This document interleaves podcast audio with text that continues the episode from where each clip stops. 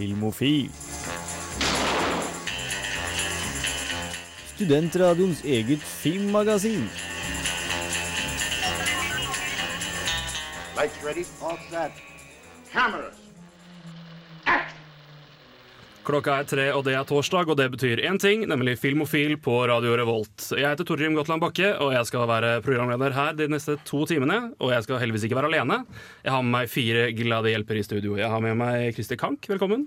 Tusen hjertelig. Tusen Camilla hjertelig. Klein, velkommen til deg. Hei, hei. Takk for det. Jens Erik Våler, du er med du òg. Halla, selvfølgelig er jeg det. Godt å ha deg tilbake. Du var borte sist. Ja, jeg er opptatt masterstudent, vet du, så jeg må eh, sitte noen ganger på Dragvoll og jobbe litt hardt med diverse skoleting. Flittig mann der, altså. Yes, og til slutt, men absolutt ikke til sist. holdt på å si, Det var veldig feil, men eh, Kristine Rokkan Eriksen, velkommen til deg. Hallo, hallo. Du skulle kanskje si absolutt ikke minst, men hun er jo lavest av oss alle, så det Det går liksom ikke. Det ble, det ble feil uansett, det der. Det ble rett og slett på ingen måte bra. Eh, hvordan går det, folkens? Eh, går det bra? Jo bra, jeg kjenner jeg er gira. Gira, har, du sett, eh, sett, har du sett god film? Nei. Du har ikke sett god film? Nei, eh, det snakker vi mer om etterpå, men jeg har ikke sett god film. Det har jeg ikke. Dere øvrige, er dere klare for å hive dere løs på filmens eh, herlige univers? Absolutt. Yes. Klar som et egg. Klar som et egg. Vi skal snart uh, få litt nyheter her på Film og Film, men før det skal du få uh, Arabella med Arctic Monkeys. Arctic Monkeys med Arabella der fra deres nye album som kom ut 9. Vi skal nå få litt filmnyheter her i Filmofil. Filmofil gir deg nyhender fra filmen og fjernsynets i spanende verden. Og da sender jeg nyhetsballen ut i rommet, og Jens Erik, Jo, første går til deg. Takk for det. Eh, Jeg har en eh, aldri så liten nyhet om Pixars siste film, The Good Dinosaur. Eh, Jeg personlig veldig stor fan av Pixar, veldig stor fan av animasjonsfilm. Eh, Og de har jo faktisk siden 2006 utgitt én ny film hvert år. Så Det begynte med Cars, og så var det Ratatouille, Wally, Up, Toy Story 3, Cars 2, Brave, eh, og nå da Monsters University i år. Eh, Men eh, denne Good Dinosaur den er utsatt, så 2014 er et Pixar-fritt år. Jøss. Boo! Nå slo jeg til mikrofonen også, det var veldig dumt. Det var en frustrerende Ja, den har faktisk blitt, ut, den har blitt utsatt halvannet år. Det er jo egentlig betydelig mye, men altså, et animasjonsfilm tar lang tid å lage, selvfølgelig. Men det er fordi uh, de har uh, mista regissøren sin. Uh, Bob Peterson, som eh, også regisserte Up, har blitt tatt av prosjektet. Og så må de da prøve å finne seg en eh, ny regissør internt i eh, Pixar. Eh, det er ikke første gang dette har skjedd. Det skjedde bl.a. under Brave, det skjedde under Ratatouille. Eh, så krysser fingrene for at det kan være til prosjektets eh, beste. Står det noe om hvorfor han har blitt tatt av prosjektet? Det gjør det ikke. Eh, så Pixar har sine grunner for å gjøre dette her. Det har variert alt fra at det har vært krangling med produsenter, og at det er eh, feil visjon for det selskapet vil fram til. Så eh, det kan være alt og ingenting. Men hadde ikke de noen andre prosjekter med den der The Day of the Dead, eller var det Disney? Blander jeg nå? Det kan For den vil jo da bli pusha enda lenger tilbake, tenker jeg. Fordi Ja, de har en film om Dia de los Muertos, som eh, også er altså De dødes dag, dag i Mexico. Den har en tentativ eh, slippdato i 2017. Wow! Såpass, ja. Ja, så nå kommer det da eh, mest sannsynlig to Pixar-filmer i løpet av 2015, altså Inside Out, eh, som handler om uh, ting som foregår inni Ja, hodet på en ung kvinne, og da eh, denne The Good Dinosaur, som blir pusha til november. Ja, men da Og vi går videre til Kristine. Ja. Jeg har en øh, Ja, jeg er stor Harry Potter-fan, jeg. Det var en det var en magisk nyhet. Ja, en magisk nyhet. Det er kanskje mange som er eh, Harry Potter-fans, eh, og ble ganske lei seg når det endelig var slutt med både bøker og filmer. Men frykt ikke, for nå har vi eh, en, en ny film som skal komme, som eh, J.K. Rowling skal eh, jobbe sammen med Warner Brothers for å skape. Eh, ja, sånn expanding universe-film, da, kan du Yes. si. Og den skal- Maskineriet melker konsept. Dette har vi aldri hørt om før. og det skal, det skal være basert på boken 'Fantastic Beasts and Where to Find Them', uh, som eh, hun skrev som en sånn ekstra liten pocketbok, som, man kan, uh, som også er i, i bøkene. Da. I Harry Potter-bøkene så er jo den boka de leser for, for, for Magical Creatures-leksjonen. Det er jo en av tekstbøkene jeg Ja, bruker. ja, men, men det vil jo da ikke inkludere noen av de karakterene Nei. som vi kjenner fra Nei, Harry Potter. ingen, Så de filmatiserer en lærebok, rett og slett. Ja, altså jeg antar de baserer det på enten uh, på kreasjonene i boka, altså dyrene, eller Newt uh, Scamander, som er ja, skrivent, eller liksom, liksom skribenten av boka, og kanskje setter det til hans oppvekst eller noe adventure rundt det, da. Eh, Jeg kan bare komme med en liten nerdefakta her. da At De fleste lærebøkene i Harry Potter-universet er basert, på en måte egentlig eventyrbøker som forteller om da skribenten, som er da oppdageren, om du vil, som har liksom vært ute og oppdaga dette her. Så det er sikkert en sånn type film, da. Ja, det går mange rykter rundt omkring. Jeg har hørt rykter alt fra liksom at det skal altså Kanskje til og med en ung Dumbledore dukker opp, til at det skal være i Amerika, til liksom Det, er, det finnes så mange rykter, så vi kan ikke si noe konkret akkurat nå. Men eh, Det er mye ja. for fansen å glede seg til. ja, det blir i hvert fall fantastic. Og nyhet nummer tre, Kankeren, den tar du. Ja, det gjør jeg. Kankeren. Du kan ikke kalle meg Kankeren. Kankeren. Men det er greit, vi lar det gå for den, den fra ja. Um, Beklager. Helt innafor. Nei, men det hadde seg sånn at eh, når Kankeren satt og leste over uh, nyheter, så skvatt han til. For han eh, For han så at Ethan Cohen var nå eh, tagga for å eh, jobbe med et nytt prosjekt. En av Cohen-brødrene, altså. Ja, det var det jeg trodde. Jeg også. Men så begynte jeg å lese på at han Ethan Cohen faktisk hadde skrevet Madagaskar 2 og Tropic Thunder, Men in Black 3, og skjønte etter hvert at ikke det var denne Ethan Ikke helt den Cohen man skulle tro, nei. Nei, men samme navn, bortsett fra en ekstra H i etternavnet. Som Ah. man blir klok på etter hvert Men nyheten i seg sjøl er ikke uinteressant. Det er da en ny eh, film med Will Ferrell som da er på vei. Den skal hete Get Hard. Og Handler det om porno? Mm, ikke en slags okay. komisk spin-off av Boogie Nights, som man skulle ha trodd. Det er faktisk det er faktisk, Han viderefører mer um, tradisjoner av The Other Guys. Det handler om en bankfunksjonær som blir kjørt opp i en litt sånn lurt um, sånn korrupsjonssak. Og han må finne seg en litt sånn morsom sidekick. Der han er intelligent, så er sidekicken litt sånn street smart, som blir spilt av Kevin Hart. Som Ah, har okay, spilt- ja. ja, nå spiller jeg Scary Movie, Epic Movie, Superhero Movie. Så alle drikkfilmene de siste ti årene, altså. Han er vel også en veldig kjent SNL-komiker, tror jeg. Ja, han er med i Workaholics og litt forskjellige ting. Så det er på en måte hvis man ikke er lei av den sidekick-filmen med en sånn type obligatorisk afroamerikansk eh, morsom fyr som er rappkjeftig, så tror jeg det her er midt i blinken. Vi får mer nyheter etter litt musikk. Det her er Invader Ace med High On Life. Vi skjønner at det har vært litt tekniske problemer med noe musikk, og det beklager vi, men dere hørte forhåpentligvis der uh, Invader Ace med High On Life. Her i studio så er vi høye på filmnyheter, og fortsetter med det litt rann til. Filmofil gir deg nyhender fra filmen og fjernsynets i spanende verden. Camilla Klein. Yes, Uh, det har jo vært uh, Det blir Marvel-nyheter denne gangen her òg. Det skulle bare mangle, egentlig. Det gjør ingenting, altså. Det er helt greit. Ikke sant? Det er litt koselig. Eh, den nye filmen Thor The Dark World, si- sequelen til Thor. Uh, Kommer om et par måneder. Ja, og vi gleder oss stort. De har hatt litt eh, problemer under innspillinga. Det er noen ting som ikke har klaffa, og da har regissør uh, Hva han heter han? Alan Taylor. Alan Taylor, ja. Takk skal du ha. Ikke for dårlig, han har ikke husket det. Altså. Litt for dårlig. I hvert fall, De har kalt inn eh, Joss Whedon, eh, som er fanboy og Ventures-regissør og Marvel, superhelt generelt. Ja, Marvel Extraordinaire, uh, inn for å hjelpe dem litt med akkurat hvordan de skal takle det. da. Så han har blitt flydd inn til London for å ordne opp i et par scener, og nå går ting på skinner igjen. Så det er rett og slett bare egentlig en nyhet om eh, hvor At alt går greit i Marvels cinematiske univers. Alt går greit, og Joss Whedon har vært der og putta sitt fingeravtrykk på, på filmen, og det er jeg veldig begeistra for og veldig glad for. Så yes, jeg gleder meg stort.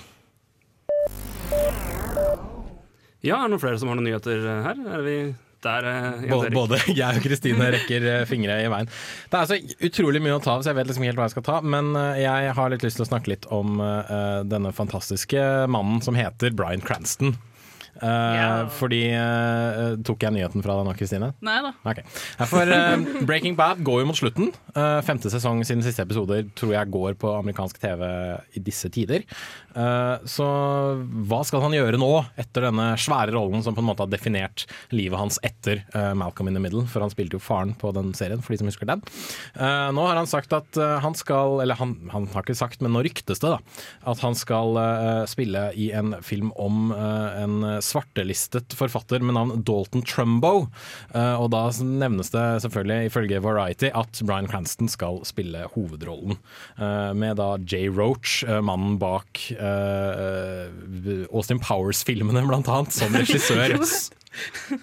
Så hvordan dette her går Ble det en groovy film? ja, det, det er det jeg håper på. Da. Det, blir, det blir veldig spennende. Fordi altså, Brian Cranston har jo nå vist at han kan spille utrolig bra komisk og utrolig bra dramatisk. Ja. Så forhåpentligvis kan han liksom bare slå de to tingene sammen da, i denne uh, Trumbo-filmen. Bare vær så snill å si at det ikke er sånt rykte som Lex Luthor-rykte var, som vi jo uh, Ja, det, det meldte sant. fra og måtte trekke, for å si det sånn. Ja, Men det her er ekte, altså. Dette er, uh, altså. Ifølge Variety så er det Så har Jay Roach hyret inn Cranston til å spille rollen. Så Variety har som regel fingeren sin på pulsen til Hollywood, så uh, krysser fingrene for at dette faktisk er sant. da. Ja. Da, Kristine, da var det din tur. Jeg vil snakke, opp med, snakke om en annen uh, ja, veldig god kar. Uh, det er det selveste Kelsey Grammer, som er kanskje mest kjent for uh, Frazier Crane. som vi håper jeg alle elsker. Ja. det er bra. Han er Han, skal gjøre noe helt annet nå. For han har blitt uh, hyret inn på eh, filmen eh, The Expendables 3.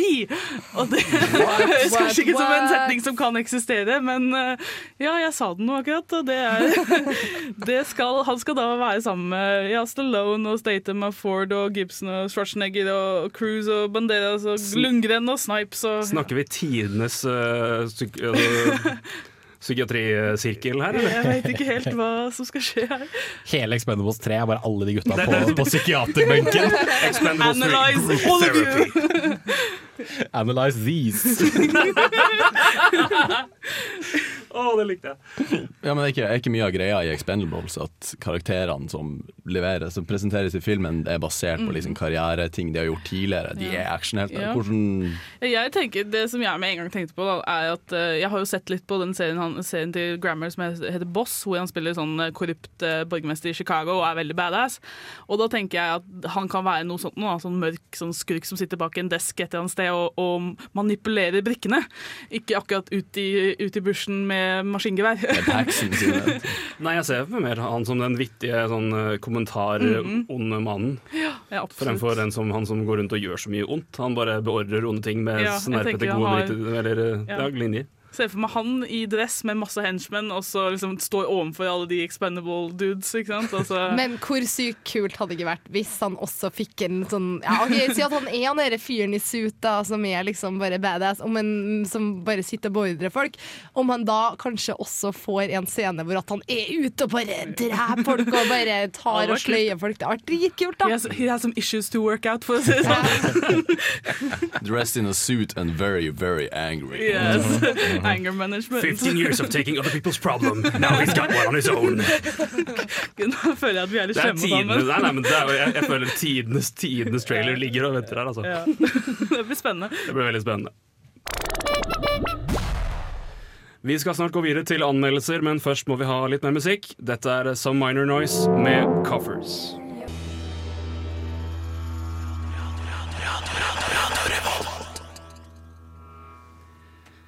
Da er vi klare for å hive oss over ukas eh, nye filmer. Og eh, Kristine, du var og så eh, Ja. Hanna Arendt. Ja, jeg var, fikk lov å se Hanna Arendt, som var en utrolig eh, fascinerende og tanke, tankevekkende film. Som jeg, jeg tror det var bra at jeg gjorde sånn, for jeg, jeg har liksom sittet og bare Åh, jeg hadde lyst til å se en sånn skikkelig sånn ja, filosofisk, historisk film. Det er liksom meg, og da blir jeg så glad. Er det noe mer vi bør vite om denne filmen her, før, eller om uh, karakteren? Eller, altså personen, det er jo en, eh, en ordentlig, person det her. Ja, det her er altså filmen om uh, par, ja, fire år av Hanna Arendt sitt liv, med litt flashbacks.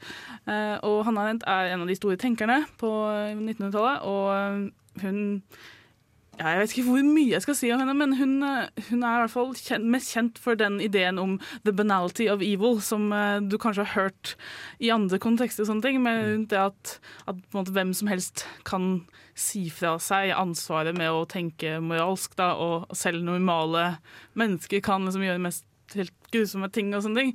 Nå kan ikke jeg si at jeg kan så veldig mye om akkurat den delen av hennes eh, filosofi, men jeg leste i hvert fall Hun var en del av min pensum, mitt pensum når jeg var på skolen. Eh, sammen med bl.a. Uh, Adolf Eichmann, da, som er det også filmen handler om. Og det er den rettssaken til Adolf Eichmann i Jerusalem. Og han, eh, hvis ikke folk vet det, så er han en av de viktigste ja, folka i holocaust-organisasjonen bak det. da. Så, og han rømte da eh, etter krigen til Argentina og ble fanga av uh, nazijegere, som også er en viktig del Så folk burde lese på, google alle disse tingene jeg sier nå. Altså. For det, hvis det har havna ut av pensum, så er det veldig dumt. Sterk film. Eh, Altså ja, emosjonelt sett, da. Kanskje. Kanskje ikke. Jeg vet, det, Kanskje ikke? Nei, det er det som er så eh, litt sånn Den er veldig sånn den, den er egentlig ganske low-key, men den vekker utrolig mye debatt og tanker. Da snurrer vi anmeldelsen av Hanne Arendt. Hanna Arendt var en av de viktigste tenkerne i det 20. århundre. Husker du ikke navnet hennes fra skolebenken, så kanskje du har hørt frasen 'the banality of evil', som hun myntet i rapporten hennes fra Adolf Eichmanns rettssak i Jerusalem. SS-offiseren Adolf Eichmann flyktet til Argentina etter krigen, men ble oppdaget og brakt til Israel, der han ble dømt og henrettet i 1962. Filmen 'Hanna Arendt' følger de fire årene fra hun drar til Jerusalem for å følge rettssaken, til etter hun har publisert verket 'Iceman in Jerusalem A Report on the Banality of Evil' og kontroversen som fulgte. Flere av hennes venner vendte ryggen fordi de tolket boken som et forsvar av Eichmann. De har die Zeitung noch nicht gelesen? Seite für Seite. Die wollen ihn in Jerusalem vor Gericht stellen. Isn't it incredible that the Hannah Arendt is offering to report for us? She should be begging to write for The New Yorker. Selv om filmen åpner med kidnappingen av Eichmann og vever inn arkivmateriale fra rettssaken, fokuserer den helt på Arendt sin filosofiske reise inn i ondskapens natur og folks reaksjoner til artiklene som ble publisert i The New Yorker. Det er en gjennomført personlig historie, der forholdet til mannen står sterkt, og vennekretsen sine intellektuelle samtaler guider oss gjennom Arendt sin tankegang og konklusjoner. Filmen gir relativt lite kontekst, men den er svært lett å følge, og til tross for sitt tunge materiale er den verken pretensiøs eller overbærende. Den er faktisk mer jordnær og stimulerende. Når det gjelder saken i seg selv og boken til Arendt, legger filmen seg helt på hennes side. Det er tross alt hennes historie. Den viser ingen kritikk av boken på hennes eget nivå. De som er uenige, er underlegne og angriper henne ad hominem. Som publikum blir vi sittende som hennes fremadlente studenter, ivrige etter å notere og være enige. Den gjennomsnittlige kinogåer må kanskje ta en tur på Wikipedia i ettertid for å se litt nyanser i saken. Eichmann kein Antisemit? Was ist denn das für ein Humbug? Du hast ihn doch selber gehört, er hat nur dem Gesetz gehorcht. Anna, bitte, du kannst das so nicht schreiben, nicht für den New Yorker. There were recognized Jewish leaders, and this leadership cooperated with the Nazis. They'll have our heads for this. Samtalene i denne filmen er uhyre fascinerende. Spørsmålet om Israels rett til å stille Eichmann for retten diskuteres med stor og smittende energi. Samtidig smetter det inn flashbacks av hennes affære med filosofen Martin Heidegger, noe som gjør at filmen blir for lang og innholdsrik. Her mangler det en prequel der vi kan bli kjent med hennes filosofiske utvikling. Pga. dette blir filmen til tider retningsløs. Når vi endelig kommer til hennes siste store tale, er mye tilgitt, heldigvis, men igjen mangler noe form for svar. The greatest evil in the world is the evil committed by nobodies. Did you really have no idea there would be such a furious reaction? Time to understand is not the same as forgiveness. Diesmal bist du zu weit gegangen. It is this phenomenon that I have called the banality of evil. Hanna Arendt er en film som får deg til å ønske du kunne vært student på denne tiden. Samtidig som den viser hvor utrolig vanskelig de overlevende hadde det med å konfrontere fortiden. Og den nye generasjonen som prøvde å forstå hva foreldrene satt inne med. Ternekast fire.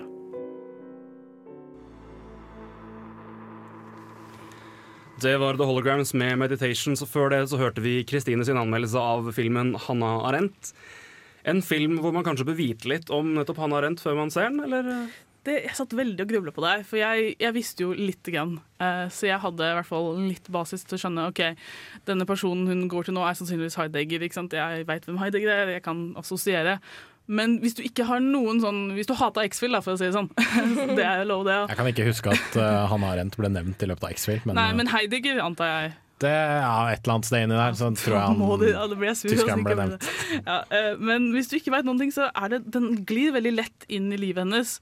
Og jeg tror det blir sånn litt sånn øyeåpner hvis du ikke veit noen ting. Så jeg tror det egentlig er, ville nesten vært gøyere å begynne å google i ettertid, sånn at du ikke blir sånn Å, gud, så kjedelig, man leser masse historie, hvis du ikke er interessert i det i det hele tatt. Så se filmen først, bli interessert, og så google. Det er mer en, sånn, på en, måte en sånn veldig objektiv stemningsrapport. Eh, i alle hennes liv. Nei, den er absolutt sånn- ikke øh, objektiv. Nei, det Nei. er den ikke. Den, uh, den er veldig personlig. Den tar liksom hennes Ja, hennes Hun må konfrontere det her liksom, not, liksom The banality of evil, da, som hun sier. Og prøve å fi, finne ut hvorfor Eichmann kunne gjøre det han gjorde. Men samtidig være sånn normal. Og det går veldig mye på hennes personlige forhold og ja, måten hun håndterer kritikken, da. Eh, Så det er, det er liksom henne som står i sentrum, og hennes Hun, hun er som liksom filosofen som står på skuldrene og ser over veggen ikke sant? og kan se, kan se lyset og ikke huletegningene, for å ta det, ta det fullt ut. Helt, Eh, helt inn i X-Fill-modus. Ja, sant? Så alle studenter ute, alle studenter skjerp ørene, dere kan plukke opp et par fagbegreper. er- Blir filofil, men nå ikke filmen. hun, hun er den som kan liksom I filmen så blir hun presentert som den eneste som har noe virkelig intellekt å si. Altså, du har de nærme vennene som kritiserer henne på, altså, med riktig måte, men så kommer du ut til folk hvor hun skal forelese for dem, og sånne ting, og de er sånn, blant annet fakultetet ved universitetet, de, er sånn, de blir bare presentert som idioter, rett og slett. Mm. Så, ja. Men er det at den er såpass eh, subjektiv fra hennes synspunkt, er det noe, en svakhet, eller er det Nei, jeg tror ikke det. Det er hennes historie. Så du aksepterer det som skjer rundt henne, som alt fra hennes vinkel. Eh, Det er egentlig ganske klart at det er det. Mm. Eh, Og samtidig så er det sånn at du du trenger ikke nødvendigvis altså, den, altså Det store spørsmålet her, som folk mener, er at liksom, hun forsvarer Eichmann, og det gjør hun jo ikke. Så den kritikken er jo helt feil å, å bli presentert som sånn i filmen. Men i ettertid kan vi jo spørre var, liksom, er det riktig å si at han ikke var antismitt. Eh, men det er et spørsmål som kanskje ikke trengs å diskuteres så veldig mye i filmen. Den ta, ble tatt opp, selvfølgelig, men den kritikken trengs strengt tatt ikke for hennes. For den, ja, den kom så mye lenger etterpå, da, kan du si. Helt kort, eh, ideologi er det, det virker å stå veldig sterkt i filmen her. Er det en ideologisk film? Nei, altså Den føles veldig personlig ut. Og det er selvfølgelig mye, mye ideologi i den. Det er mye diskusjon rundt, eh, rundt Israel og Ja, så det er klart mye. Men mest av alt er det en personlig historie.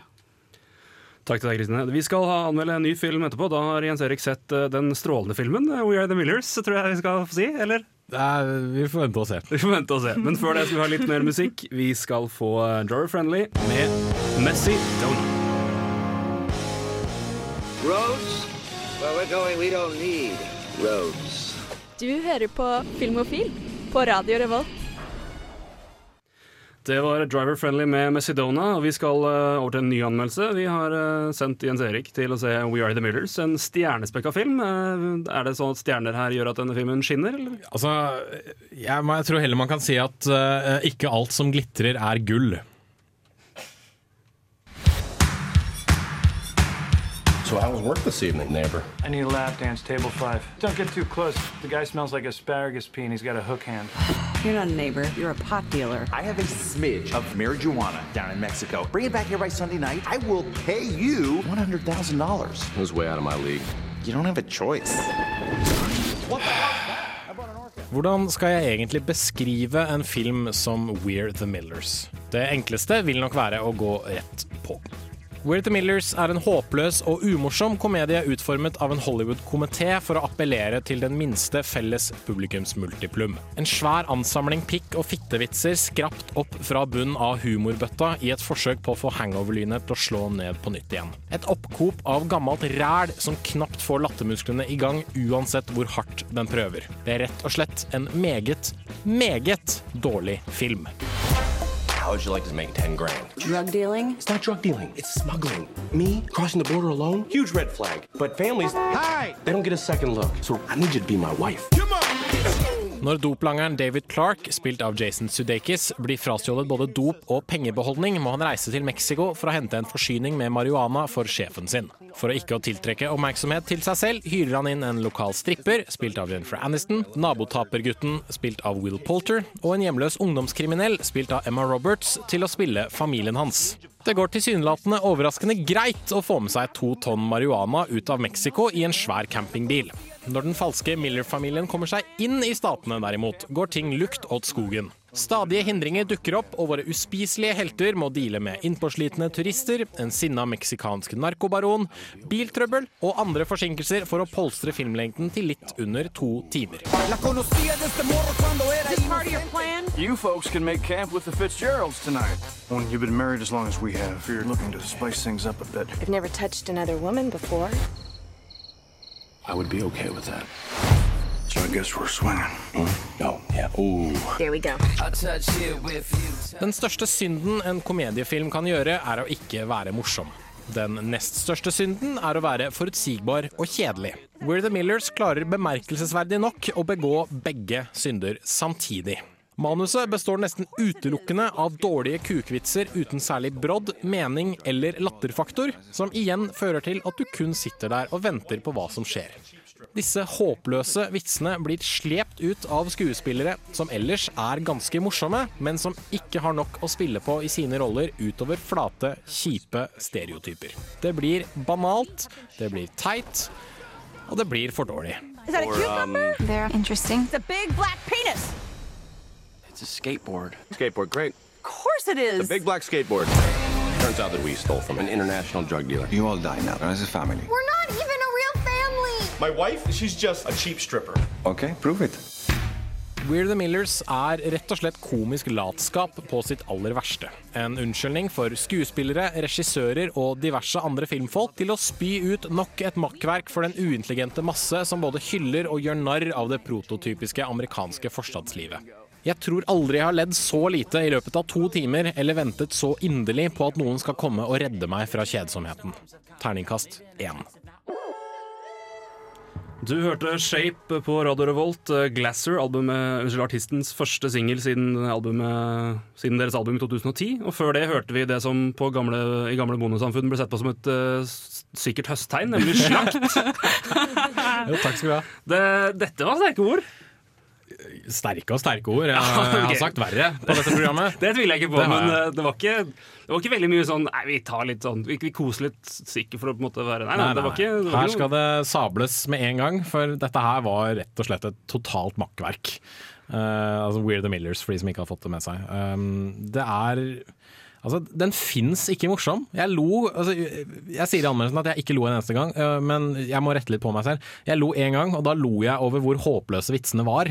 Så jeg lo på en måte litt sånn Altså, Jeg ler ikke med filmen, jeg ler av filmen. Jeg ler av hvor dårlig filmen er, hvor kjip den er, og hvor, hvor lite spennende og morsomt noe av det som skjer i filmen er.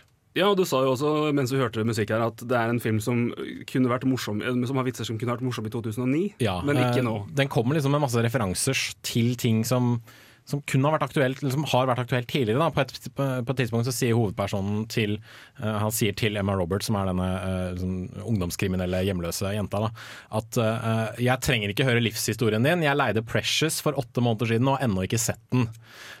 Altså, det kunne kanskje vært morsomt da Precious faktisk var aktuell. Denne Men det, er he- også en vits som ikke gir mening i det hele tatt. Han har ikke sett Precious. Jeg hadde skjønt det hvis liksom, jeg har sett Precious og har fått nok av livshistorier for hele livet. Ja, ikke sant? Men han har ikke sett den, så det gir ikke mening. Det er liksom som Har du gule sko? Nei, det gjør ikke noe, for jeg har grønn bil. Det, er- det er ingen Det er en antivits, er antivits, som, vi, som vi nevnte. Du nevnte jo den her store komediedødssynden forutsigbarhet. forutsigbarhet. Det er litt den her Du har sett traileren, du vet hva som kommer til å skje. Altså, hvis du ser traileren, så har du sett hele filmen. Men er ikke det egentlig ganske vanlig generelt problem med film i dag? Jo da, men her er det faktisk, Her er- altså, her, her er det faktisk sant. Altså. Her her er du, det- du, går du, liksom- du går liksom får med deg liksom de viktigste poengene i eh, ved bare å se traileren. Det er en, jo en sånn teaser i traileren der når en narkolanger narkolangeren sier eh, If you're a stripper, prove it, Ja. eh, på min meksikanske engelsk her. Uh, da, da må Jennifer Aniston strippe, fordi hun spiller jo uh, stripper som hvis kjæreste selvfølgelig har forlatt henne, hun er i gjeld, uh, så slutter hun i jobben da fordi sjefen vil at hun skal ha sex med kundene sine.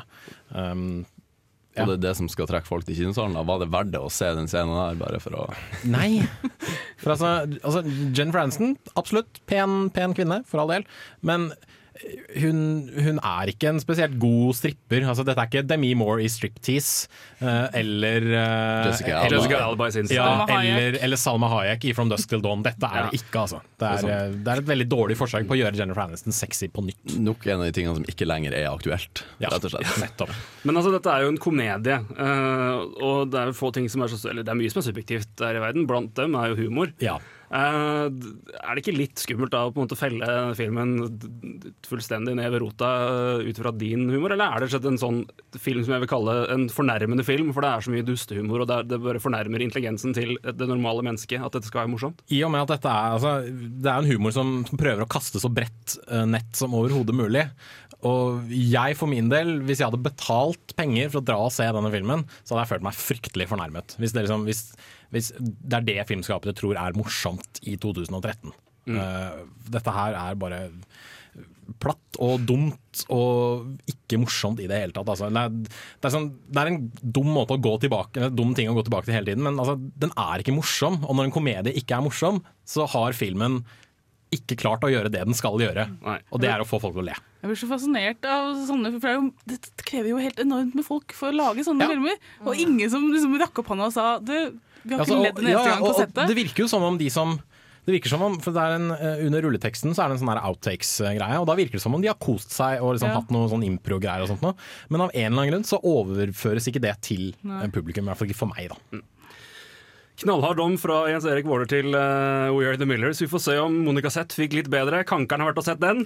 Før, før den så får vi uh, Mayor Hawthorne med Her Favorite Song på Radio Revolt. Her Favorite Song med Mayor Hawthorne der. eh, Og nå går vi videre til eh, noe som forhåpentligvis er litt mer din favorittfilm enn det The We Are The Millions var for Jens Erik. Du har vært og sett eh, Monica Zett? eh, Eller Monica, ja? Ja, Monica Zett. Det har jeg, Grimis. Prøv meg på. Ja, Kaste litt ball i løpet av episoden. Men dette er en film som handler om, for de som ikke vet det, den svenske jazzsangerinnen Monica Settelund. Ja, det gjør den. Det blir jo den, den andre biografifilmen i dag omhandlende en sterk kvinnelig personlighet fra to vidt forskjellige historiske greiner. Da. Litt nesten samtidig, da. Det var 50-60-talls estetikk. Mm. Er det noe vi vil vite om eh, filmen før vi ruller anmeldelse? Nei, jeg håper jeg har levert premisset godt i løpet av anmeldelsen, så vi får bare kjøre på. Da kjører vi Monica Sett. Mine damer og herrer, la meg presentere en tyttebær satt i et cocktailglass. En blond negresse fra Värmlands hullerskoga. Monica Zetterlund. Med filmen Monica Z' har svensk filmindustri offisielt starta en trend av glossy og selvforherligende filmer omhandlende sin egen kulturhistorie. Forrige film ut var den om trubaduren, alkoholikeren og damefuten Cornelis Vresvik, og det var vel naturlig at neste kulturkanon i rekka ble selveste Monica Zetterlund. Diva og jazzdronninga fra den lille byen Hagfors vest i Sverige. Fra hun ble født i 1937 til hun gikk bort 67 år etter, hadde denne svenske blondina gått fra å jobbe som telefonist i en småby til å spille inn album med noen av de mest innflytelsesrike jazzmusikerne gjennom tidene. Skulle ikke du bli stjärna i Amerika? Hun var den første til å synge jazz på morsmålet svensk. Hun vant priser og ble medaljert, var muse for Sveriges største poeter, og hun nedla mann etter innflytelsesrik mann. I et så spent og vidstrakt liv som Monicas må det være problematisk å sile ut de hendelsene som skal skvises inn i 111 minutter med film. Manusforfatter Peter Birro starta ut med en fullvoksen Settelund, etablert sangerinne, i filmens første scene syngende med et stramt jazzband. Og allerede ti minutter ut i filmen prøver Monica lykken i New York. Derfra og ut følger et jevnt driv av både karrieremessige og romantiske opp- og nedturer. Forestillingen är en total suksess! Den røde tråden som løper gjennom handlinga, er den jazzsyngende småbyjentas balansering mellom det ekstravagante og det virkelige livet. Mellom champagne og kabareter har Monica ei lita datter å ta hånd om, og foreldrene hjemme i Hagfors engster seg og fortviler seg om hverandre hva datterens utskeielser angår. Du jobber for mye, du drikker for mye. Jeg ser at du ikke mår bra. Jeg har fått precis alt det som jeg har drømt om. Og så finnes det folk som tror at det ikke koster noe. Som tror at det er gratis. En tydelig tendens i denne nye svenske biografifilmen er det å finne skuespillere hvis liv ligger nær rollekarakterens. I Cornelis' skikkelse var det naturlig å finne en tørrlagt doplefler og konspiratorisk kjernesientolog, og hele Norges Hans Erik Dyvik Huseby von Helvete fikk jobben. Rollen som Monica Settelund spilles av den 29 år gamle pop- og jazzsangerinna Edda Magnasson. Et klokt valg, da gjennom filmen ligna mer på Monica Settelund enn ja, Monica Settelund sjøl. I lag med regissør Per Fly fremstiller hun et mangfoldig bilde av sin karakter. Hun er sterk, sår, standhaftig og tidvis hjelpeløs om en annen. De lykkes med å skape et mer menneskelig og empatisk bilde av Monica, snarere enn glorifiserende og sympatisk. Men jeg synes filmens sterkeste rolleprestasjon er den av Kjell Bergekvist, som spiller Monicas far, Bent. Og dynamikken mellom datter og far blir en sterk drivkraft gjennom hele filmen. Du kommer aldri kunne forsørge deg som sångerska i Stockholm. Det enda du i den här stan har lært meg, det er at du skal ikke tro at du er noe. Er du det da, Monica? Det er en periodefilm fra Sveriges 60-tall, kuliss- og kostymemessig godt gjennomført, men jeg opplevde likevel filmen mer som 2000-tallets American Beauty i stil. Der musikken ikke er jazzete, er det ofte glatt pianospill, og patosknappen vris tidvis opp til 11. Men det funka. Av de fem filmanmelderne som satt i salen under visninga, var ikke ett øye tørt. Det er alt i alt en intim, plausibel, ryddig regissert og ikke altfor stor film om en stor personlighet. Så hvis man har en interesse for jazzen og flamboyansen, eller vil se noe nært og inderlig, vil jeg absolutt anbefale å se filmen. Terningkast fem.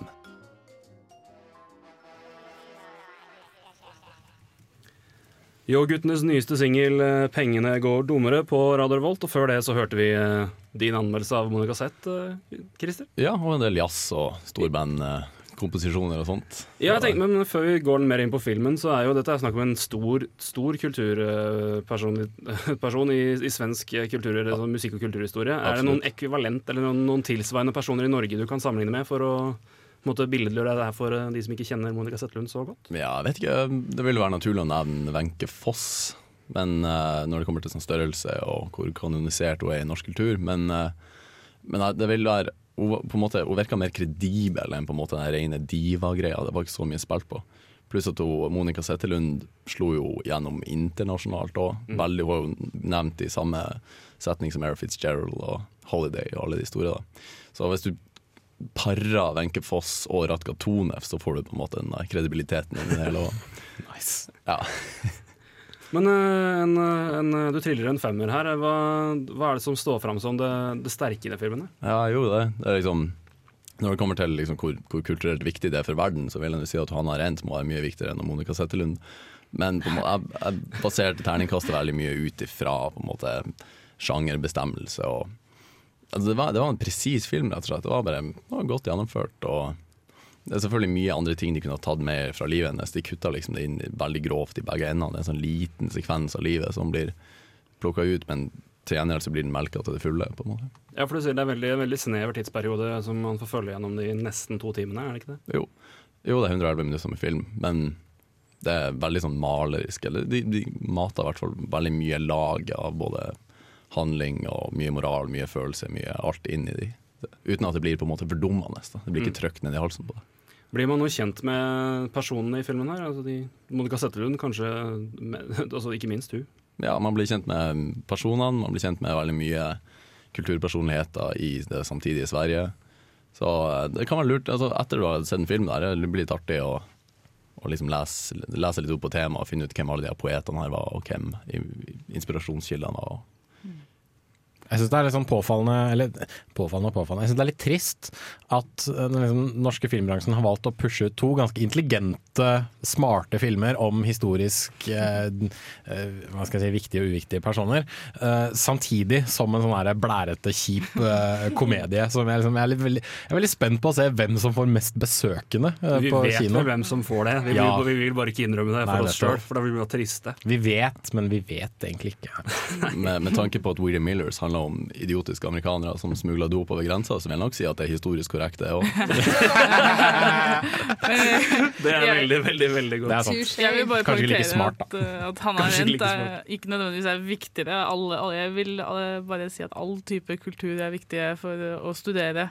Menneskeheten er mangfoldig. Det er noen Dagens visdomsord vi tar med oss der fra Rokan Eriksen. Men uh, du sier at det er jo den andre filmen i den, en, eh, ja, kanskje en ny trend innenfor svensk film. Det var først eh, Cornelis Vreeswijk-filmen, og nå Monica Zetterlund. Og så er jo denne filmen eh, om Håkan Hellstrøm sitt univers på vei ut nå snart. Mm. tar for seg Göteborg, musikkmiljøet der. Så det er definitivt en trend. Men er det her en, en trend som har grobunn? Altså, er det interessant og, og spennende, eller, er det, eller blir det litt sånn at vi bare tar fram de personene vi kan komme på fordi vi er egentlig tom for ideer? Ja, jeg vet ikke. Altså, det er sånn på en måte Cornelius Vreeswijk, den, eller Cornelius, den filmen likte jeg ikke. Den var for glatt. Det var for rart å se han Hanko en helvete snuble rundt i den rollen der. Eh, denne filmen her har definitivt sånn helt klare sjangertrekk i den her litt sånn glatte og presist fortalte og sånn, men den, det er fortsatt veldig mange spennende svensker man kan ta for seg, så ja. Gleder meg til å se om de spiller videre på Helt til slutt, Monica sett en film for alle. Kort og greit der. Monica Zet får en femmer av eh, Christer. Vi går videre. Vi skal få litt musikk. Det her er Fire av eh, Bun B. Play it Sam. Det er jo alltid ha musikk når den er påtent. Helst noe indisk eller pakistansk. Ukas filmlåt. Og vi går fra Let Them Talk med Dent May til ukas filmlåt, som eh, Kristine har valgt denne gangen her. Og du har tatt en liten Ingrid Espelid. Du, har juksa litt nå. Apparently. Ja, nei, Du har tatt en låt fra en, fra en serie. Ja, det har jeg strengt tatt uh, gjort før, tror jeg. Det er bare ingen som har kåla deg på det? eh, kanskje ikke. Nei, Vi kan jo utvide det til å si at eh, det er lov med låter fra TV-serier. For det er- brukes så mye god musikk i TV-serier. Ja, nettopp. Og det er denne TV-serien uh, bruker veldig mye bra, mange bra låter. Og denne TV-serien ble mye omtalt forrige uke. Yes, for jeg er ikke ferdig med den. Nå. Det var Supernatural, selvfølgelig, som var ukas eh, serieanbefaling forrige uke. Og noe av det som jeg kanskje ikke gikk så mye inn på, var at serien er kjent for å bruke jæsklig mye god eh, musikk. Er det noen spesielt viktig scene denne dukker opp i Supernatural, eller er det bare uh, en, en, en, en flott låt? Ja, nei, den er eh, Jeg kan si at det er eh, The Gambler av Kenny Rogers, som kanskje ikke Du kjører altså ikke 'Carry On My Wayward Son'? Nei, for det var åpningsmelodien forrige uke, så det får jeg ikke lov til. Eh, Men jeg kunne ha valgt masse. Altså, jeg har en spilleliste på ja, gudene veit, over 100 låter i hvert fall, på Spotify, som er liksom Supernatural-spillelista mi. Eh, mye bra. Altså, det, I første episode så sier eh, han Sam til Dean at eh, liksom, hans musikksamling er liksom the greatest hits of mullet rock. Uh, og det er ja, ja. mye sånn Blue Oyster Club, og han digger Zeppelin og ja. Går det ikke an å abonnere på denne spillelista? Kan du ikke legge ut en link sånt til ivrige lyttere og musikkfans? Tja, kanskje det. Jeg kan, jeg kan se jeg kan, om jeg kan finne den igjen. Um, ja, og så er det da The Gambler. Jeg husker ikke nøyaktig hvilken scene den dukker opp i, men det er ofte sånn at uh, når de liksom kjører av gårde mot uh, liksom Into the Sunset, så kommer det et eller annet eh, badass på radioen, ikke sant? Fordi de er jo Mm. hele, det er jo roadtrip-show hele tida, Ja. så det er veldig mye gøy. Men litt research her før, eh, før Ja, jeg oppdager det at det faktisk er en, en, en movie eller en Ja. filmlåt. For det, dette er rett og slett en låt som er inspirert av en TV-movie-serie hvor Kenny Rogers spilte hovedrollen. Ikke bare én, ikke to, ikke tre, men hele fem TV-movies Ja. har Kenny Rogers spilt i ved ved navnet The Gambler. Vi har først The Gam Kenny Rogers as The Gambler 1980. Så har vi Kenny Rogers as The Gambler. Det heter Kenny Rogers as The Gambler. Begynner med det. The Adventure Continues. 83. Det er fantastisk. 87 er det Kenny Rogers as The Gambler. Part 3 The Legend Continues. Jeg må si at jeg tror det er det som er favoritten min, del 3. For den er liksom så eksepsjonelt lang. Den er kjempelang. Og så har vi fireren The Gambler Returns. The Luck of the Draw 1991. Og siste Gambler 5 p- playing for keeps. Yeah. Det er veldig mye bra ordspill her. Ja, absolutt. Så uh, dette er en TV Ja. TV-movieserie jeg faktisk har lyst til å se. Fordi navnet er så bra. Ja, jeg, tror, jeg, ikke, jeg tror jeg har sett en av dem for lenge siden, men, eh, men jeg veit ikke om låta dukker opp i alle sammen. Det burde jo strengt at de har sånn opening credits, at den eh, låta spilles av. I hvert Eh, fall for det, en. er en jævla koselig og liksom laid back, kul låt. I hvert fall en, en versjon av låta. Men sånn, hvis, hvis filmene er så bra som låta, så anbefaler du dem det? Ja, absolutt. er du gæren? Ja. Da tror jeg bare vi kjører ukas filmlåt, nemlig The Gambler med Kenny Rogers. Litt country her på Filmofil. Det gleder mange western-hjerter der ute, tror jeg. Det var Kenny Rogers Deilig, med The. Gambler, kjent fra Supernatural, men også fra kanskje tidenes beste TV-movieserie, dømt ut ifra navn. Eh, nok- Nå, nå sier man at det er en låt som går igjen i x antall eh, filmer om det folk det som driver med gambling. Den har nok gjort det. Dette tror jeg er en, en såkalt mjølk, en melka låt, tror jeg vi sier. Men den er jo så deilig å bare slappe av til, så det gjør ingenting. Fra gamle slagere på countrysida så skal vi videre til nye filmer. Det er klart for Videonytt i Filmofil. Nytt i videohylla. Rykende ferske digitalfilmer som du kan ha i din heim. Ja, kjære venner, er det noen rykende fiske... Vet dere, ferske var det han sa. Rykende fiske. Ryk, ryk, ryk. Altså Hvis fisken din ryker, da har du gjort noe feil. Dialektfeil på Filmofil eh, på Radio Revolt. Nok om det, men filmer derimot, det var det vi skulle snakke om. Og er det noen nye kule filmer der ute? Ja, nå kommer det selveste The Great Gatsby kommer på Blu-ray eh, denne uka. Og den gikk jo i sommer. Eh, Jeg vet ikke om dere har fått med dere den. Jeg så den. Jeg likte den overraskende mye mer enn det jeg forventa, for jeg liksom satte meg veldig kritisk. Og så var det egentlig ganske gøy. Og den er, den er great, jeg tror jeg. Nei, ikke great, Den er ikke great, men den den, er gjør noe. great. Jeg syns den var great. Jeg syns yeah. den den var kjempebra. Jeg kosa meg stort. Ja, du gjør det. Du koser deg skikkelig. Ja. Det er stort og spektakulært. Og, og hvis ikke Leonardo Jeg jeg har sagt det så mange ganger på, på sendinga her. Hvis ikke han får en Oscar snart, så blir jeg forbanna. Jeg så, jeg så et bilde på Reddit hvor det sto det at eh, nå skal Leonardo DiCaprio spille Altså han skal spille Woodrow Wilson Ja. i en sånn Ja. biopic. Så var det egentlig bare et bilde av Leonardo DiCaprio som skriker mot noen. Så står det 'Give me my fucking Oscar!' Står det bare. Det må si. Han, han fortjener den. Herregud. Ja, det synes jeg Han- absolutt. absolutt. Han har gjort en strålende, Han har vært en old fantastisk film filmer i mange mange år nå. Så Great, Great Gatsby er der ute for de som eh, vil ha den. Er det noe mer eh, nytt og fresht? Jeg hadde en morsom en. Når når jeg sa at han Ethan Cohen skal skrive en film, så var viste det at det ikke var rett Ethan Cohen. Jeg hadde litt det samme når jeg tenkte Yeah, Pacific Rim kommer på DVD. Gjør den jo selvfølgelig ikke. Det er Atlantic Rim som kommer. Så Våre, det våre venner i produksjonsselskapet The Asylum har slått til igjen. De har slått til igjen. De har det her tendensen til å gi ut samtidige filmer med sånn fiktive filmtitler i lag med andre filmer. Vi kan nevne 'Snakes on a Train', 'Pirates of Treasure Island', 'Transmorphers', The da, Vin ja, da Vinci Treasure, alle disse tingene Oi. Da Vinci Treasure, det hørtes jo mye bedre enn Code, hallo! Så kan de bare ta for seg The Gambler-prosjektet og lage enda fetere navn? Kan ikke bare gjøre det. Men Sjekk ut også deres egne selvtitulerte filmer, f.eks. som 'Sharknado', der det er en stor hai i en tornado. Som, En, jeg trodde det var flere. Eh, Det må også sies at den her Atlantic Rim, da, som jeg ikke vet noe om og ikke har hørt om før jeg så den på release-greiene her nå, eh, har fått en 1,8, så kanskje ikke like sterk anbefaling som Pacific Rim. um, men for dem som Det kan hende at den blir så dårlig at den blir bra igjen. det er det som er greia. Det er det som er greia. Jeg anbefaler. anbefaler. Anbefaler. Er det noe mer nytt der ute? Ja, for de som har eh, litt eh, nerdete eh, tendenser, da tenker jeg mest på meg og Kristine og sikkert en del andre mennesker, kan sikkert være fornøyde med at det har kommet ut en Star Trek filmbox-sett. Film 1 til 10. Eh, det kalles Stardate Collection.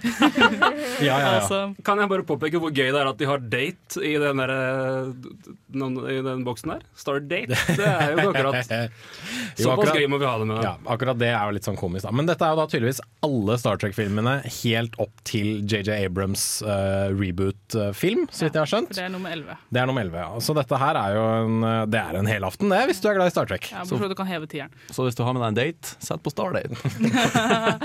Det får være dagens siste tips fra oss her. Vi er ferdig med film eh, for denne gang. Vi skal videre til eh, ukas serie, men før det skal du få eh, en låt fra trondheimsbandet Osk. Dette er The Gesture I Just Made Means I Love You.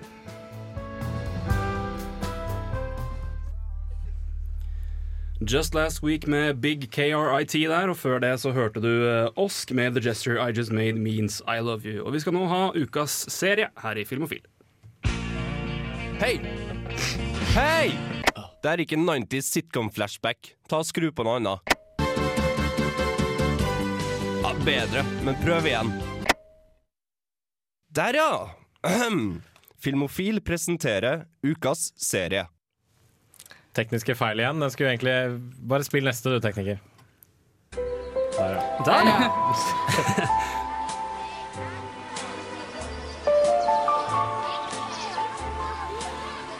Camilla, den, eh, dette er din serie. Eh, Hvilken serie er det vi hører eh, introen til her? Nei, det er Jeg ble litt sånn forstyrra der. Nei, altså, det er den fine, rolige klangen til den fine og rolige serien Trailer Park Boys. Um, vet ikke helt hvor mange som har sett det her i studioet. Nei, dessverre. Dessverre. Nei? No takers? Jo, jeg begynte på episode én. Så ganske nidig gjennom den, men den fanga meg ikke. Burde jeg gitt mer tid. Ja, ass. Helt. Alt jeg, alt jeg vet, er at det er en kanadisk komiserie. Og så er det en fyr som skjeler veldig. Uh, og så ble det laget i hvert fall én film av den. Og så har Ellen Page hatt noen roller, eller én rolle, uh, i serien før hun ble sånn kjempestor, kul stjerne. Det er det jeg vet. Ja, det, det, det holder ikke, rett og slett. Så det, bare, det holder ikke. Det begynte da i 2001 uh, som en sånn liten sånn eh, film. Eh, og så ble det ganske populære karakterene her, da, sånn at de valgte å eksperimentere litt med dem og se hva de kanskje kunne by på. Um, det er en eh, fiktiv dokumentarserie som vi også kan kalle en mockumentary, bare at det er enda en serie, da, Mm. istedenfor klassisk eh, mockumentary som vanligvis er film. Uh, som følger livene til, til, til noen karer som bor i Sunnyvale eh, Trailer Park. Og det som, det som er veldig artig, er for at jeg har da en kanadisk venninne. Jeg har spurt hun om, om er det sånn her. Altså, du får mye sånn kanadisk sleng og alt sånt der, så det er jo supergøy. Um, det viste seg at eh, det er ikke helt eh, riktig i forhold til hvordan det er i Canada. Det er litt sånn likt, riktig i forhold til hvordan de lever og alt sånt der, noe som egentlig bare gjør meg veldig urolig for hun. For det er en um, De er da i en, hele, i en trailer park, um, som da egentlig vil si en ansamling med trailere hvor folk bor, og det er liksom litt sånn community rundt det, da. Campingvogner og bobiler for, uh, Ja. for de som ikke kan uttrykket trailer. ja akkurat. Mm. Uh, og vi følger da hovedrollene eh, Julian, Ricky og så den fyren som du snakka om, som var litt sjeløyne. Ja. ja. det er Bubbles. Han får en større Bubbles. Bubbles. Ja, han Det er alltid en sånn liksom raring i amerikansk, eller for kanadisk i dette tilfellet, da, fyr som heter Bubbles. Han er det verste. Altså, det Han er en Bubbles i, Ja, i, i, i uh, The Wire også. Det er den Bubbles. Ja, han her er, altså, han er jo litt rar og ser litt funny ut, men han er til tider den mest fornuftige av dem alle. Og han får en større rolle etter hvert som uh, sesongene uh, ruller på. Da. Så det er i hele tatt sju sesonger som har kommet ut. Jeg tror det er fire-fem filmer. Jeg er litt usikker, for det har litt sånn Christmas editions og sånn der. Noe som er veldig gøy, fordi altså et, av karaktertrekkene i serien her er at det er ganske foul language. Da, at det er ganske mye banning og alt sånt der. Og det handler om Ricky og Julian, som er bestevenner og har vært det på en måte hele livet. Som er i ja, 30-årene. Og er out to get eh, Bare tjene seg en quick buck, rett og slett. Og de gjør det som regel på illegalt vis. Um, Mm. så hver sesong pleier å slutte med at de havner i fengsel. Da. Og så neste sesong begynner når de kommer ut. da En sånn Olsenmannen. Det er ikke Det er ikke litt Det er ikke litt som Olsenbanden engang. Det kan ikke sammenlignes. Det var ikke, det var ikke konseptet, bare at det slutter når personen går inn, av feng når, går inn i fengsel, og begynner når personen går ut av ja fengsel. det, det kan stemme ganske bra, akkurat det, da. Men selve plottet på serien tror jeg ikke det. er veldig, veldig Altså, det er alltid det her med det schemesen for å tjene seg penger, som egentlig er på en måte det serien handler om, da. Igjen Olsenbanden. Ja, er Bubbles Sorry, egentlig dynamitt, Harry? Kan vi Nei, absolutt ikke. Jeg kan ikke si det. Uh, det bare dropp hele sammenligninga her, for det, det, det holder ikke for meg. Men det er bra at du er så rolig nå, for vi har jo hatt diskusjon før her nå. Er dette en sitcom eller ikke? Nei, ikke begynn å altså, vi har ikke, Jeg har ikke fortalt plottet engang! Kom igjen, okay, gi meg en sjanse. meg fortell, en fortell, fortell plottet av denne Okay, Som sagt, det handler i all hovedsak om Ricky og Julian, som finner nye måter å tjene penger på alltid. Det involverer som regel marihuana, og dyrking av det og selging av det og alt sånt der. Og de er stein stort sett hele tida under serien. Um, og de har sånn karaktertrekk, veldig mange av dem. Julian har alltid Roman Coke i hånda. Han har det i hånda alltid, uavhengig om han kjører og, og, eller om han bygger noe. Eller sånn. Den der cool, Roman Coke er alltid i hånda hans. Um, og så er det veldig mye ting som har jeg, jeg, jeg vet ikke helt hvor jeg skal begynne. Nå har jeg blitt slått av pinnen helt sykt. Vi kan jo bare si til slutt, er det, en, er det plott som er gøy, er det karakterer som er gøy, eller er det begge deler? Det er karakterene i all hovedsak som Ja. får serien her til å gå fremover. Eh, gi det en sjanse og og se litt eh, rundt på det. Så, altså det, det som Christer sa her om at han hadde sett én episode og det fengsla ikke helt. Det her er en serie som er artigere jo lenger inn du kommer, fordi at du blir mer kjent med karakterene. Altså, du har, jo, jeg må også nevne en, flere karakterer som er kjempeviktige her.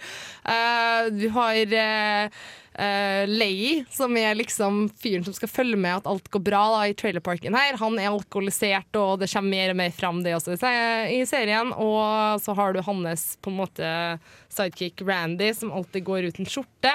Uh, og de er bare stokk dum alle i serien her, så nei. Det er artig å ta titten, for det er verdt det. Helt klart. Fins på Netflix. Fins på Netflix. Det var uh, Trailer Park Boys, ukas serie der. Og vi skal ha litt musikk før vi begynner å oppsummere dagens program. Dette her er Red Fang med Blood Like Cream.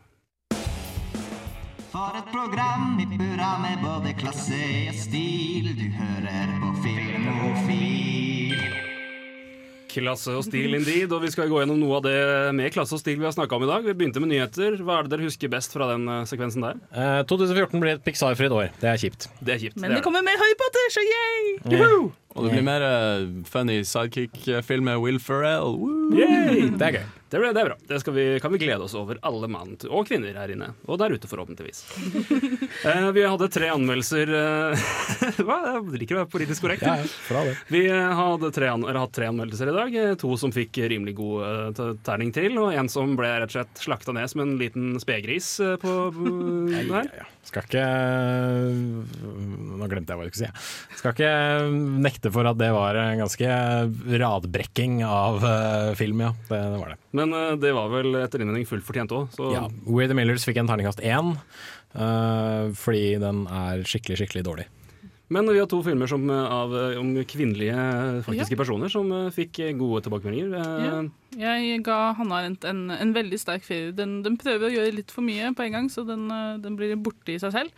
Eh, Men absolutt, absolutt verdt å se. Nok en biografisk epokefilm. Monica Z, om svenske jazzsangerinna Monica Zetterlund. Jeg ga den en veldig snill femmer, jeg, altså. Men dette er filmer man, hvor man igjen Det kan være fint å vite litt om personene før man ser filmene. Man kan ta en kjapp titt på Wikipedia for å bare være litt klar over eh, Arendt og Eichmann, i hvert fall. Så blir du kanskje et klokere menneske også. Ja. Absolutt, det er det viktigste. Bruk en time eller to på Wikipedia hver dag, sier jeg. Vi promoter- Vi promoterer kunnskap her i Film og film. Ja, definitivt. Du spurte meg i sted om alle burde se filmen. Ja, alle burde se alle filmer. Det er det er bare sug til seg. Det er mantraen her. Hvordan skal man få tid til noe som helst annet da? Hva er det man skal ha tid til? Det står jo Enten å se film? Nei, jeg vet ikke. Sove, spise livets store Jeg har en masteroppgave å skrive, liksom. Kjedelig. Menn kan ikke multitaske i det hele tatt. Vet du. Nei, Vi er damer har ikke noe problem med det her. Filmofili er en diagnose. Men vi hørte også en, eh, en fin eh, filmlåt og serielåt, Yeah. som også har eh, en film, en fin rekke ja, med. TV-movies, nemlig The Gambler med Kenny Rogers. Ja, det tror jeg blir helge- helgeoppdraget mitt, i hvert fall. Men du, du gjennom kom jo på, du kom jo på Ja. hvor scenen Eller altså hvor, Ja. hvor i Supernatural låta var henta fra. Det- Idet jeg hørte den, så kom hele scenen tilbake. vet du. Og Det er fra en episode som heter Weekend at Bobby's. Er det en eneste løpende referanse til Weekend at Bernies? Ja, eh, Bortsett fra at de be må begrave et lik og grave det opp igjen, og så må de ødelegge ødelegge det med å hive henne i sånn woodchipper, men uh, Ja, ja. eh, det er litt sånn Det er stakkars Bobby som må jobbe for alle andre og få alle spist kaka si, og så spilles den her i bakgrunnen mens han trasker rundt og hjelper alle sammen med å begrave lik og, og late som de er FBI-agenter og diverse sånne, sånne ting. Så det er veldig Ja. Bobby er awesome. Spenstig scene, med andre ord. Bobby er dritkul, og han er badass. Som uh, Sangen som går i bakgrunnen der, det var The Gambler med Kenny Rogers, som var ukas filmlåt. Og vi hadde ukas serie, Trailer Park Boys. Er det noe du føler du må få lagt til her på slutten om Det ble så ekstremt mye. Dere ku- kakkblokka meg helt med dere referansene til Olsenmannen. Jeg vet ikke helt hva jeg skal si. Kunne du ikke bare, super- ikke bare multitaska og sagt at det og tenkt på meg sånn? Oh, Burn shit, you sure showed me. Nei, det er en bra serie. Se den, den er funny, og alle sju sesonger tror jeg ligger på Netflix. I hvert fall amerikansk Netflix. Ja, hvis du har tilgang til det, Ja. som mange har. Eller får. Eller får. Det får være siste anbefaling og eh, ja, anmeldelse i det hele tatt i denne ukes, ukens Film og fyll. Vi er ferdig. Eh, tusen takk til dere fire som har vært der og, og brakt inn informasjon og god radio til folket. Takk til deg for at du har vært en fl feiende flott programleder eh, i din første programledersending. Tusen, tusen takk for det. Og tusen takk til eh, vår tekniker Henrik Ilden Ringel, som har sittet og styrt spakene her i dag. Nå kommer live her på Radio Revolt. Vi er ferdig, og vi er tilbake om en uke. Håper, dere, håper vi høres eller eh, lyttes da, eller hva den heter. Yes. Ha det godt. Ha det. Ha det.